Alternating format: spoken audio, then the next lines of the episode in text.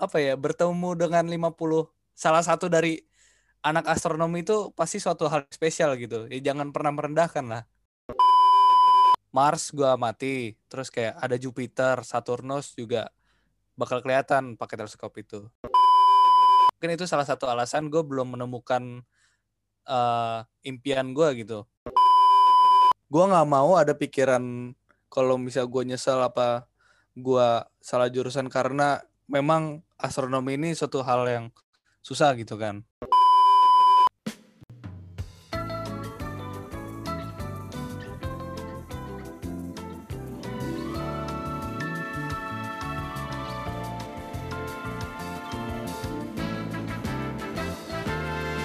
Halo Pierce, kembali lagi bersama Stefani, masih di PR Podcast. Bulan ini, PR Podcast mengangkat tema mengenai jurusan-jurusan yang masih jarang banget di Indonesia.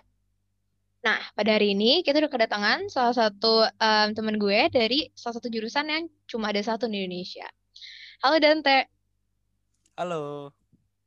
Oke, jadi um, kayaknya langsung dikasih tahu aja kali ya ke para pendengar nih. Lo dari jurusan apa? Halo semuanya, gue Dante dari jurusan astronomi. Gue sekarang semester 3. Oke, lo semester 3, berarti kita seangkatan ya. Hmm, Oke, bener. terus pertama-tama nih sebelum kita lebih lanjut ngobrol, gue pengen mengkonfirmasi dulu, emang beneran cuma satu Indonesia? Bener, eh, kalau misalnya jurusan astronomi itu cuma satu-satunya di Indonesia. Tapi kalau misalnya ada universi universitas lain yang mempelajari astronomi itu mungkin ada beberapa sih. Oke, tapi berarti mereka nggak ngebuka prodi kayak di eh, kampus lo ya berarti? Hmm, enggak. Dan kalau misalnya apa ya, gua dan kalau misalnya eh, jurusan astronomi di bahkan di Asia Tenggara juga satu-satunya di Indonesia ini, di kampus gue ini. Oke, berarti kalau di luar Asia Tenggara nih, di negara mana aja sih sebenarnya? Karena gue juga masih sangat awam nih dengan jurusan ini. Kalau astronomi itu banyak yang mempelajari di eh, Amerika, di Eropa, bahkan di Jepang juga ada. Oke, kayak gitu ya. Berarti ya Asia Timur, Eropa, sama Amerika ya berarti banyaknya. Terus, em, oke pertanyaan orang yang mungkin baru pertama kali ketemu lo dan tahu jurusan lo. Kenapa astronomi gitu? Emang apa sih yang bikin jurusan ini beda? Secara kan di ITB jurusan tuh banyak lah yang prestisius. Kayak misalnya teknik industri gitu. Terus atau teknik kimia. Atau mungkin mesin. Atau aerospace engineering juga ada gitu. Tapi kenapa lo memilih Hmm. astronomi gitu? Mungkin ini balik lagi ya ke masa SMA gua. Gue emang melihat astronomi ini tuh suatu hal yang menarik bagi gua. Kayak astronomi ini kan mempelajari tentang bintang-bintang dan alam semesta. Dan itu memang suatu hal yang indah buat gua gitu. Dan emang karena astronomi itu cuma ada di ITB di Indonesia ini, jadi kayak ya itu mungkin salah satu kesempatan gua untuk mempelajari lebih lanjut me- mengenai astronomi ini.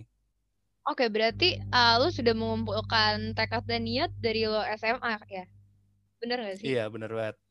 Nah, em, gue sebagai anak SMA waktu itu sih uh, masih berubah-ubah tuh. Terus kenapa lo kayak bisa yakin banget gitu? Kayak gue mau jurusan ini. Apakah ada sosok yang menginfluence lo atau karena emang lo hobi mencari tahu? Mungkin bisa dijelasin lebih lanjut.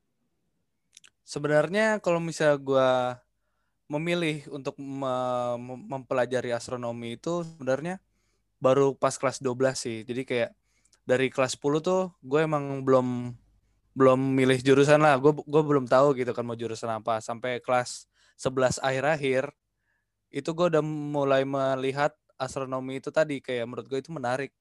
Dan sampai pada akhirnya gue pengen banget eh, mempelajari astronomi lebih lanjut seperti tokoh-tokoh ya kalau misalnya di astronomi itu ada namanya kayak Carl Sagan dan Neil deGrasse Tyson. Kalau misalnya kalian sering nonton TV dia sering banyak muncul di situ dan sering ya menginspirasi orang-orang lah mengenai astronomi ini.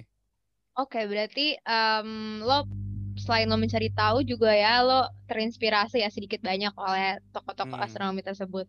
Terus em, ini yang membuat gue tertarik.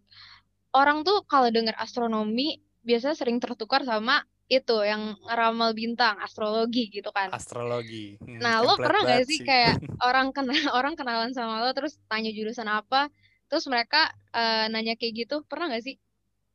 Eh, kalau misalnya bertemu dengan orang lain yang bertanya-tanya kayak gitu sih mungkin belum pernah ya. Tapi kalau Oke. dari pengalaman gua, bahkan teman sendiri aja kayak masih apa ya, masih bingung dalam hal itu gitu loh. Oke, jadi bahkan Ya, eh, orang-orang di sekitar lo juga sebenarnya kurang familiar ya sama jurusan lo. hmm, bener. Masih bingung lah antara bedanya astronomi dan astrologi itu apa sih? Kenapa kayak masih bingung. Terus gimana cara lo untuk kayak menjelaskan gitu, menjelaskan ke mereka kalau ini tuh beda, beda jauh banget bahkan. Kalau misalnya kita cari tahu lebih lanjut, itu sebenarnya kayak beda jauh sih astronomi dan astrologi. Kalau astronomi itu kita ya itu tuh nggak jauh-jauh dari fisika gitu, dari ilmu alam. Kalau misalnya astrologi itu kayak menurut gue sih lebih hal-hal yang lebih mistis gitu kan, kayak meramalkan masa depan dari rasi bintang yang menurut gue sih kayak ya nggak ada eh, ilmu pastinya sama sekali gitu loh. Oke, kalau kayak gitu berarti eh, sudah terkonfirmasi ya lo nggak bisa ngebaca zodiak Sagittarius bulan ini kondisi sih. keuangannya gimana. Oke. Nggak bisa dong. Terus em, tentunya berarti lo nggak belajar tentang hal tersebut kan. Terus em, Hmm. astronomi tuh emang belajar apa aja sih? Karena kan em, gue nangkepnya nggak jauh-jauh dari fisika. gitu. Mungkin bisa lo jelasin sedikit kayak apa yang lo pelajarin dan so far apa yang paling lo suka gitu dari hal-hal yang lo pelajarin tersebut.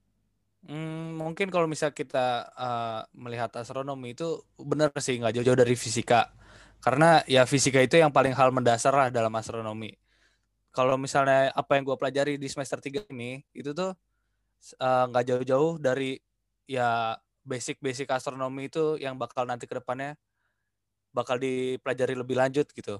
Seperti contoh di semester ini gue belajar tentang astronomi posisi yang melihat langit kita gimana sih itu bisa menjadikan sebuah koordinat. Terus kita, uh, gue juga mempelajari tentang statistika yang dipakai dalam astronomi. Tentu saja kalau misalnya fisika kan nggak jauh-jauh dari matematika, itu juga belajar gimana sih matematika dalam astronomi. Dan lainnya seperti komputasi juga yang karena kita hidup di zaman modern ini kan pasti juga butuh komputasi gitu kan. Apalagi data astronomi yang kita dapat itu nanti itu bakal sebanyak itu dan kita membutuhkan bantuan komputasi. Oke, berarti sebenarnya mata kuliahnya tuh ya kalau semester 3 nggak jauh-jauh juga ya, karena di prodi gue juga ya sekitar kayak gitu lah pelajarannya komputasi, matematika, fisika. Hmm. Tapi apa kalau udah punya kayak apa ya spesifik em, apa ya ranah sendiri kayak misalnya suka tentang bintang atau planet atau apa gitu? Kalau misalnya spesifikasi atau kayak apa yang gue ingin mendalami itu sih mungkin belum. Tapi sejauh ini gue lebih tertarik dengan kosmologi sih. Kosmologi apa tuh? Kosmologi itu kita apa ya itu lebih mempelajari tentang alam semesta ini kayak alam semesta ini kan sangat luas ya. Dan gimana sih kita bisa memprediksi masa depan alam semesta ini atau kayak apa aja yang ada di alam semesta ini. Terus kayak benda-benda apa aja sih atau kayak di luar sana di yang posisi terjauh dari kita tuh ada apa dan apa yang terjadi. Oke, berarti kosmologi mempelajari ya kayak gitu lah ya gambaran apa apa gambaran luasnya. Oke, tadi kan em, lo bilang bisa memprediksi kondisi luar angkasa lah ya lewat ilmu-ilmu fisika yang ada gitu. Terus em, gue yakin pasti tiap jurusan bakalan praktikum kan. Tadi lo juga sempat cerita di awal sedikit kalau data praktikum tetap harus diolah menggunakan komputasi gitu yang umum Hmm. dipelajari. Nah, ngomong-ngomong praktikum kan lagi pandemi kayak gini, pasti kayak praktikum kalian em, sedikit banyak terhambat lah. Mungkin bisa diceritain gak sih kalau anak astronomi tuh praktikumnya ngapain? Karena kalau yang ada di pikiran gue pasti kayak ya udah lo mengamati langit gitu. Ap- tapi apakah hanya itu doang? Nah, kalau praktikum itu sebenarnya ini ya, astronomi itu apalagi astronomi TB itu nggak jauh-jauh dari observatorium Bosca.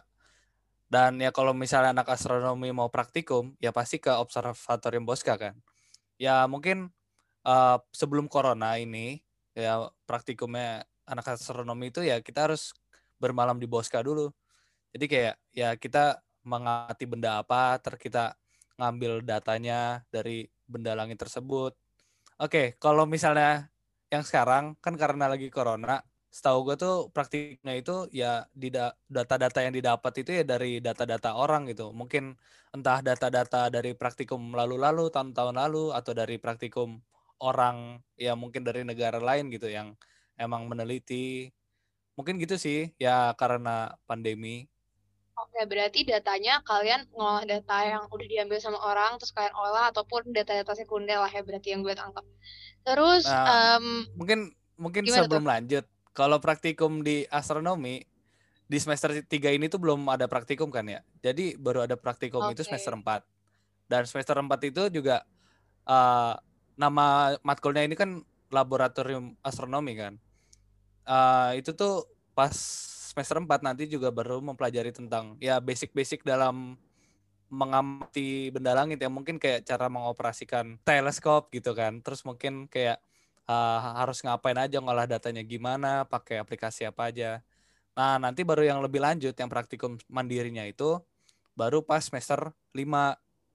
Dan itu baru kayak ya udah kita tiap minggu ada satu hari yang bahkan satu malam yang kita bermalam di Boska. Kita mengamati benda apa ya selama berminggu-minggu sampai akhirnya kita mengolah data gitu. Ya, gue cuma tahu uh, hal ini dari kating-kating gue. Oke, um, gue tertarik tadi maksudnya praktikum mandiri tuh gimana dan apa aja sih yang bisa diamati lewat observatorium Boscha ini? Hmm, itu maksud gue tadi bilang praktikum mandiri maksudnya ya nanti bakal kita mengamati apa ya mengamati benda langit udah nggak di bakal jarang sekali dipandu gitu sama sama dosen-dosen mungkin bisa disebut sebagai ini ya penelitian kecil gitu. Jadi ya kita mengambil data dari benda langit seperti bintang-bintang atau kayak mungkin bisa jadi kita mengambil data suatu planet gitu. Terus ya udah nanti kita bakal mengolah itu dan bakal ada laporannya. Oke, oh kayak gitu ya rupanya. Terus um, hmm. kalau teleskop sendiri kan pasti kayak banyak kayak jenisnya. Tapi apa lo udah pernah kayak mencoba gitu? Kalau teleskop sih gue emang punya satu kan di rumah dan emang biasanya juga gue pakai gitu ya karena gue pengen pengen bisa lah memakai teleskop tuh gimana jadi ya selama ini gue cuma belajar sendiri lihat-lihat di internet gimana caranya terus ya udah kadang juga gue sama kawan-kawan juga sama kawan-kawan gue juga nggak apa ya main ke sini terus ya udah mengamat bareng kayak gue yang sambil belajar juga gue kayak ngasih lihat ke kawan-kawan gue gitu sih paling Wah, keren banget ya. Kayak lo punya teleskop sendiri. Terus biasanya kalau misalnya lo di rumah, lo dari Jakarta nggak sih? Bener nggak gue? Iya, bener. Dari Jakarta. Kalau lagi Jakarta kan pada bilang udah apa ya, tertutup polusi lah ya. Jadi kayak susah kalau misalnya mau ngamat ngamatin hmm. langit. Nah, kalau lo sendiri pernahnya tuh ngamatin apa aja sih kalau dari rumah lo gitu? Mungkin kalau misalnya benda langit yang bisa kita lihat secara jelas itu ya yang paling pertama ya bulan ya kan kita tanpa teleskop aja udah bisa lihat terus hmm. kalau misalnya pakai teleskop sebenarnya tuh ada cahaya bintang mau eh, bukan ada cahaya di langit yang sebenarnya kelihatan oleh mata telanjang kita tapi kalau pas kita lihat pakai teleskop itu sebenarnya bukan bintang itu ada sempat kemarin Mars gua mati terus kayak ada Jupiter Saturnus juga bakal kelihatan pakai teleskop itu. Ya mungkin awalnya itu kalau bisa kita lihat secara langsung tanpa pakai alat ya itu sebenarnya keliat, kelihatan seperti bintang gitu kan cuma cahaya. Ya kalau misalnya contoh nih yang apa yang gue lihat dari kemarin uh, pas gue lihat Jupiter Jupiter itu kan punya uh, beberapa satelit alaminya kan yang kalau misalnya contoh bumi kan bulan nah dari teleskop itu benar bisa dilihat Jupiter yang kalau misalnya lihatlah di internet gambarnya gimana Jupiter itu benar-benar kelihatan ya cukup jelas lah buat dilihat. Terus ada beberapa ada empat satelit alami di sekitarnya yang. Oke, berarti um, keren juga ya lo bisa mengamati uh, benda-benda langit tersebut. Terus yang favorit lo yang mana nih? Hmm, kalau misalnya gue sih Jupiter sih. Oke, berarti seru juga ya jadi anak astronomi karena ya walaupun kalian nggak bisa praktikum lewat observatorium, kalian masih bisa ngamatin sendiri di rumah bahkan kalau misalnya punya teleskop. Sementara kalau gue nggak bisa gue praktek di rumah. Berarti salah satu kelebihan astronomi kalau gue lihat-lihat itu ya apa laboratorium kalian ya alami gitu, udah ada tersedia. Ya alam, ya langit itu sendiri kalau misalnya laboratorium. Tapi ya paling gak enaknya kalau misalnya kita mau ngamat benda benda langit yang munculnya itu jam satu yang baru dilihat baru enak dilihat tuh jam satu satu subuh jam 2 kan ya harus begadang. Terus ngomong-ngomong astronomi nih, namanya tuh mirip-mirip sama astronot gitu, pekerjaan astronot gitu. Tapi yang sebenarnya gue penasaran apakah lulusan astronomi ada yang jadi astronot atau kayak itu dua hal yang berbeda gitu. Hmm, menarik nih. Kalau misalnya lulusan astronomi itu apa ya? Belum pasti bisa menjadi astronot gitu. Mungkin ada beberapa, mungkin ada contohnya. Tapi lulusan astronomi itu yang pasti menjadi peneliti ya meneliti bintang-bintang atau benda langit yang lain atau galaksi gitu. Oke, jadi kayak karena dulu waktu gue apa ya masih baru-baru tahu ada jurusan astronomi, gue mikirnya waktu kecil kayak oh um, ini yang menjadi astronot kali ya, gue mikirnya kayak gitu, tapi ternyata enggak kan. Terus um, prospek kerjanya apa tuh berarti? Kan berarti tadi lo udah jelasin uh, nge-research kan, nge-research penelitian.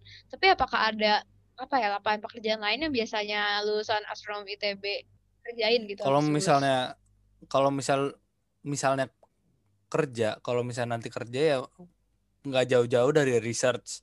Tapi kalau misalnya yang kita lihat dari belakangan ini, banyak dari yang lulusan astronomi, astronomi ini uh, berkarir nggak cuma di bidang researchnya dia gitu. Kayak ada juga yang menjadi komunikator gitu. Kayak contohnya Neil deGrasse Tyson, dia kan memang berlatar belakang lulusan astronomi. Tapi dia kalau misalnya kita lihat dia sering banget muncul di TV kan dia benar-benar membahas tentang astronomi ya di di acara TV apa terus kayak dia sempat ada ada seriesnya sendiri kan Cosmos Space Time Odyssey gitu itu juga lanjutannya dari Carl Sagan dan Carl Sagan juga ya itu mungkin research juga dia juga salah satu yang komunikator astronomi juga kalau misalnya lapangan pekerjaan sih ya sebenarnya lumayan sih banyak dan nggak bakal nggak ada juga sih buat astronomi Oke, kalau lo sendiri udah ada bayang belum mau ke mana? Maksudnya mau oh, jadi apa? Kalau misalnya masalah kerja sih gue belum mikir ya mau kerja apa. Mungkin kayak apa yang gue ingin capai sekarang ya nanti gue mau melanjutkan studi ini. Oke, berarti yang gue tangkap uh, lo setelah dari S1 ini lo nggak mau langsung uh, terjun di dunia kerja karena lo hmm, tadi bilang iya. pengen ngedalamin lagi nih studi S2. Kira-kira negara mana sih yang udah jadi inceran lo atau mungkin lo mau lanjut di ITB? Sebenarnya gue awalnya mikirnya gini, gue kenapa pengen ngambil S1 di ITB ya karena gue mikirnya ini sebagai batu loncatan gue gitu. Jadi semoga dari uh, lulusan lulus nanti di ITB ini gue pengen melanjutkan studi ya mungkin ke Eropa gitu atau ke Jepang. Kalau masalah universitasnya gue masih belum tahu ya mau milih yang mana gitu sih paling. Oke kenapa nggak Amerika? Kalau misalnya gue lihat dari as uh, dari apa ya dari dari bidang astronominya di sana uh, semuanya itu bagus. Di Amerika di Eropa di Jepang atau mungkin dan lain-lain. Tapi ya karena gue lebih ter, uh, di lain itu gue juga tertarik dengan kehidupan di sana gitu gimana sih kalau misalnya di Jepang atau di Eropa? Dan kalau misalnya Amerika sendiri ya walaupun di bidang astronominya juga bagus tapi gue kurang tertarik aja sih kalau masalah uh, ber, uh, apa ya hidup di sana gitu gue pengen nanya nih pasti um, anak-anak di ITB kan yang tahun pertama masih TPB ataupun anak-anak yang masih SMA uh, eh, ada beberapa mungkin yang pengen masuk uh, jurusan lo ini astronomi. Kira-kira apa hmm. aja sih yang harus mereka kuasain gitu sebelum masuk? Atau kayak ya udah pelajaran yang basic aja? Ya kalau misalnya SMA gitu misalkan kalian udah tertarik masuk astronomi ya basic yang kalian harus punya ya ya mungkin fisika sih karena ya di astronomi ini nggak jauh-jauh dari fisika dan matematika mungkin iya tapi mungkin nggak terlalu banyak Oke, karena kayak kita tahu di ITB sendiri tahun pertamanya masih belajar ya yang umum-umum iya. lah ya. Hmm. Oke, kalau kalau Dante sendiri persiapannya gimana tuh? Maksudnya uh, gimana sih perjuangan lo untuk bisa masuk ITB terus jurusan astronomi mungkin bisa dijelasin sedikit? gimana ya kalau misalnya gue SMA ya gue gue sebenarnya kayak gue emang baru giat belajar itu sebenarnya juga SMA akhir-akhir kan. Gue ya awalnya males dan ya mungkin itu salah satu alasan gue belum menemukan uh, impian gue gitu. Belum menemukan astronomi ini sebagai suatu hal yang indah. Dan lanjut ke kelas 11 gue tuh baru apa ya baru giat belajar gue baru menekuni uh, materi-materi seperti hal contoh gue benar-benar suka banget sama fisika. Ya mungkin dari awalnya dari situ sih kenapa gue bisa suka astronomi gue dari awalnya yang suka fisika terus kayak berlanjut gue sering mungkin baca-baca atau nonton-nonton video gitu mengenai fisika dan ya akhirnya gue bertemu dengan astronomi ini dan gue melihat astronomi ini sesu sesuatu hal yang menarik gitu. Terus gue kalau misalnya masalah belajar gue ya gue benar-benar memanfaatkan waktu sih. Ya kalau misalnya lagi waktunya emang lagi kelas ya gue benar-benar serius pas kelas. Setelah itu kalau misalnya lagi kosong ya berarti gue bisa melanjutkan aktivitas gue yang lain entah hobi entah gue mau nyantai-nyantai jadi biar nggak menambah beban di keseharian gue gitu Oke, tapi gue ngerti sekarang kenapa lo uh, bisa masuk ITB dan jurusan ini ya karena emang lo suka sama fisika kayak gitu kan. Hmm, Oke, terus iya. kalau keluarga lo sendiri nih, um, kan jurusan lo maksudnya termasuk yang jarang lah, bu bahkan bukan jarang, cuma satu-satunya di Indonesia gitu. Apa reaksi keluarga lo pas kayak lo menyampaikan kalau lo pengen masuk jurusan ini gitu? Secara kan biasa kalau orang tua hmm. itu tuh um, pengennya anaknya bisa misalnya masuk apa ya? Ya teknik yang udah umum lah atau teknik gitu kan ya kalau ya. teknik atau dokter gitu. Hmm, Terus orang tua mungkin, gimana tuh? Ya mungkin iya sih karena mama gue juga ini kan dokter gigi gitu ya mungkin pengen gitu kan kalau misalnya anaknya dokter gigi. Tapi kalau misalnya masalah masalah kuliah kayak sebenarnya orang tua gue orang tua gue lebih membebaskan itu sih ke gue jadi kayak ya udah pilihan mau jurusan apa ya balik lagi ke gue sendiri. Gue sukanya di mana yang penting gue benar-benar bertanggung jawab di pilihan tersebut gitu. Dan kalau misalnya gue cerita ke keluarga gue yang lain kayak kakek gue apa kayak om-om gue juga sebenarnya juga ya nggak jauh dari yang di awal tadi kayak sebenarnya masih masih eh, apa ya kayak masih bertanya-tanya lah tentang astronomi ini kayak bahkan kakek gue sendiri juga bilangnya ya semoga nanti lulus bisa jadi astronot gitu kan biar keren apa gimana ya sebenarnya mirip kayak gitu tapi kalau misalnya masalah pilihan balik lagi ke gue Oke, berarti sama lo bertanggung jawab lah ya istilahnya. Nggak, oh, keluarga nggak hmm. pernah menentang. Nggak pernah nah, sih. terus oke, okay, uh, eh, pertanyaan gue nih yang berikutnya. Sejauh ini, um, sampai semester 3 mau selesai, apa kalau pernah ngerasa salah jurusan atau nyesel? Hmm. kalau merasa salah jurusan atau nyesel, mungkin gimana ya? Mungkin gue nggak terlalu apa ya? Gue nggak mau terlalu, gue nggak mau ada pikiran kalau misal gue nyesel apa gue salah jurusan karena memang astronomi ini suatu hal yang susah gitu kan ya itu sih gue berusaha berpikir positif aja gitu ya gue selalu berpikir walaupun ini susah bukan berarti ini mustahil gitu gue gua pasti bisa melewatkan ini semua gitu sih Kayak gue lihat lo orangnya sangat positif ya berarti. Hmm, harus itu menjaga pikiran. Oke, terus um, tapi pernah nggak sih lo berhadapan dengan orang yang apa ya? Bukan meremehkan sih, tapi kayak look down at you cuma karena lo kuliah di prodi yang mungkin mereka belum familiar gitu. Oke, kalau misalnya masalah apa ya orang lain yang apa merendahkan astronomi gitu, gue belum pernah bertemu sih. Tapi kalau misalnya saat ini gue bertemu dengan mereka, ya sebenarnya gue nggak bakal takut gitu ya karena astronomi di Indonesia bahkan cuma satu di TB. Di Asia Tenggara mungkin masih dikit atau belum ada atau bahkan masih satu-satunya juga di TB. Dan astronomi ini kan memang jarang kan. Ya mereka bertemu dengan anak astronomi aja itu suatu hal yang spesial gitu. Astronomi aja satu angkatan ya, satu angkatan astronomi itu cuma 50 orang. Ya kan? Dari kalau coba ya dibandingkan dengan jurusan-jurusan lain di TB itu kayak itu paling dikit malah astronomi kan. Terus kita bandingkan lagi dengan kampus-kampus lain yang mungkin mahasiswanya lebih banyak, ya kan. Terus kita bandingkan dengan seluruh populasi di Indonesia. Kita bandingin aja. Apa ya, bertemu dengan 50 salah satu dari anak astronomi itu pasti suatu hal spesial gitu. Ya jangan pernah merendahkan lah.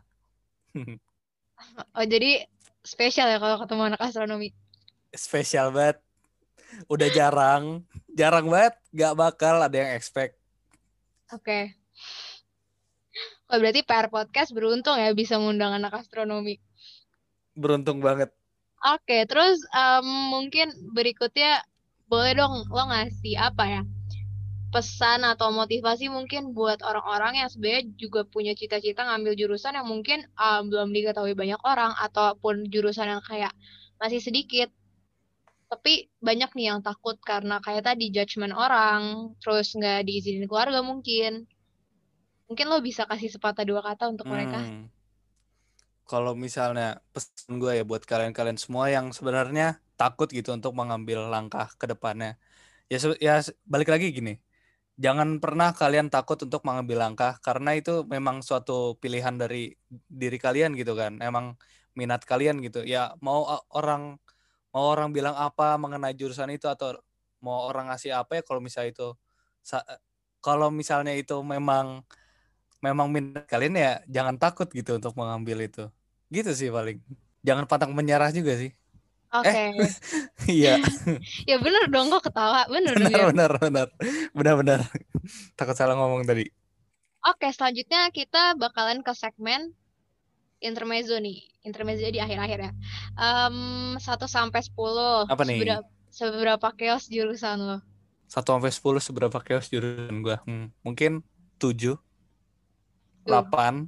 8 sih, 8, 8, 8.